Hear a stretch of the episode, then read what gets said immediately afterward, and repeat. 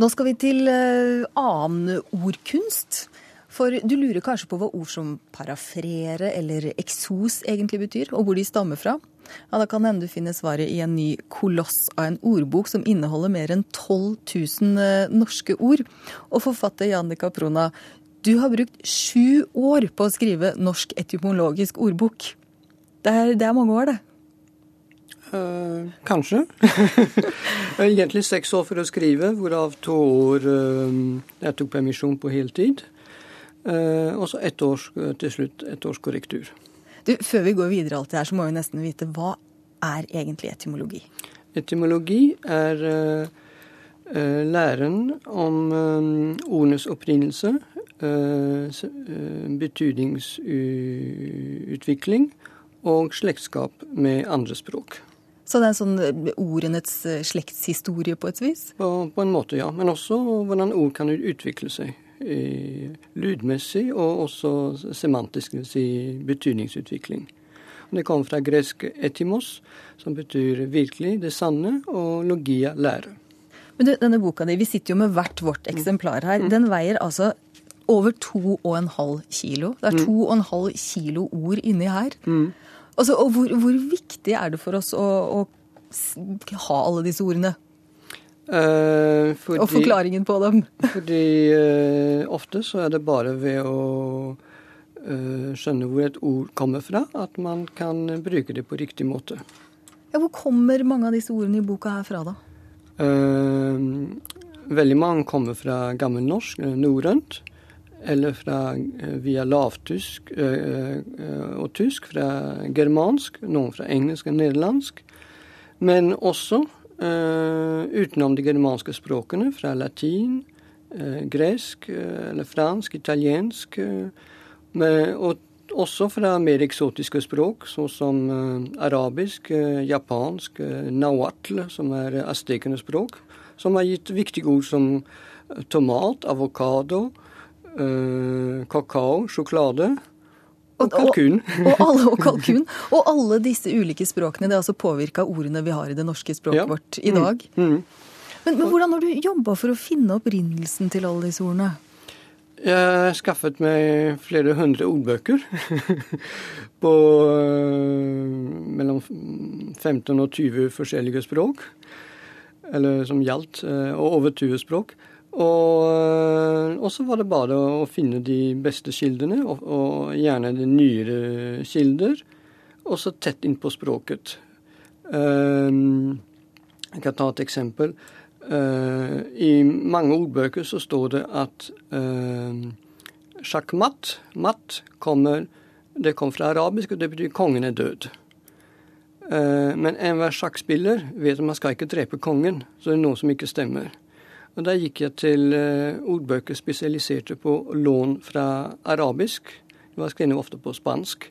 Og der sto det nei, det er en feil oversettelse fra, mellom arabisk og persisk.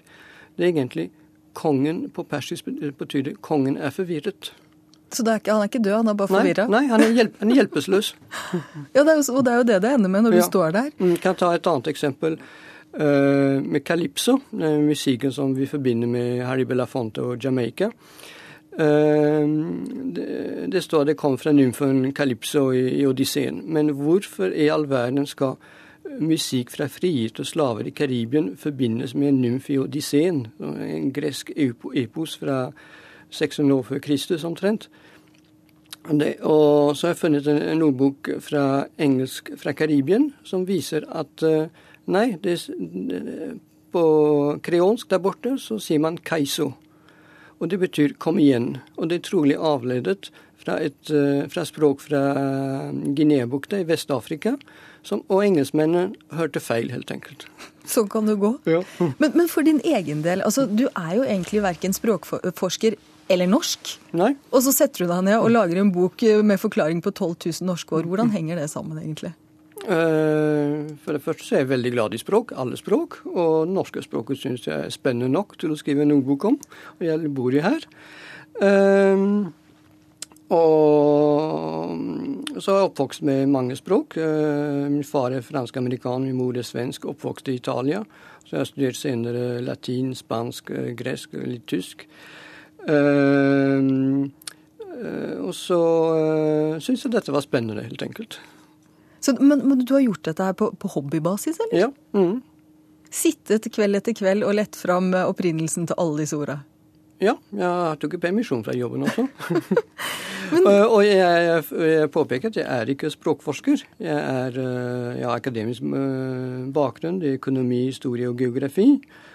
Så, men min rolle har vært å finne de viktigste, beste ordbøker, helt enkelt. Men da, denne igjen kolossen av ei bok, hvem er den for? Må man være litt sånn spesielt interessert, eller for å, å gå til anskaffelse av denne her? Det tror jeg ikke, fordi den handler om språk, men den handler også om mye annet. Jeg kan ta som et eksempel Vi er i august, og da kan man slå på om i kapitlet Tid, der det finnes en lang innledning, fordi den, den jeg glemte å nevne, denne ordboken er tematisk inndelt i 57 ulike temaer. Og for å skrive om kapitlet tid og ord som knyttes til tid, så må man nesten forklare utviklingen av kalenderen. Hvordan den er blitt til. Og når man kommer bort til ordet august, så står det at uh, det kom fra keiseren Augustus, uh, som døde etter Julius Cæsar.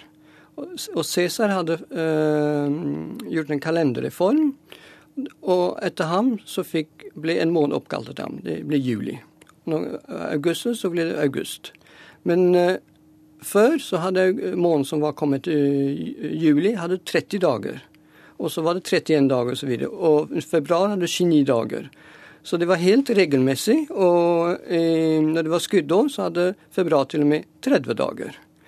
Men når Augustus døde, så ville ikke man gi inntrykk av at Augustus var mindre verdt enn Julius Cæsar. Og dermed så tok man en dag vekk fra februar og tilla den til Augustus. Så ble det rettferdig da, altså? Ja. Mm.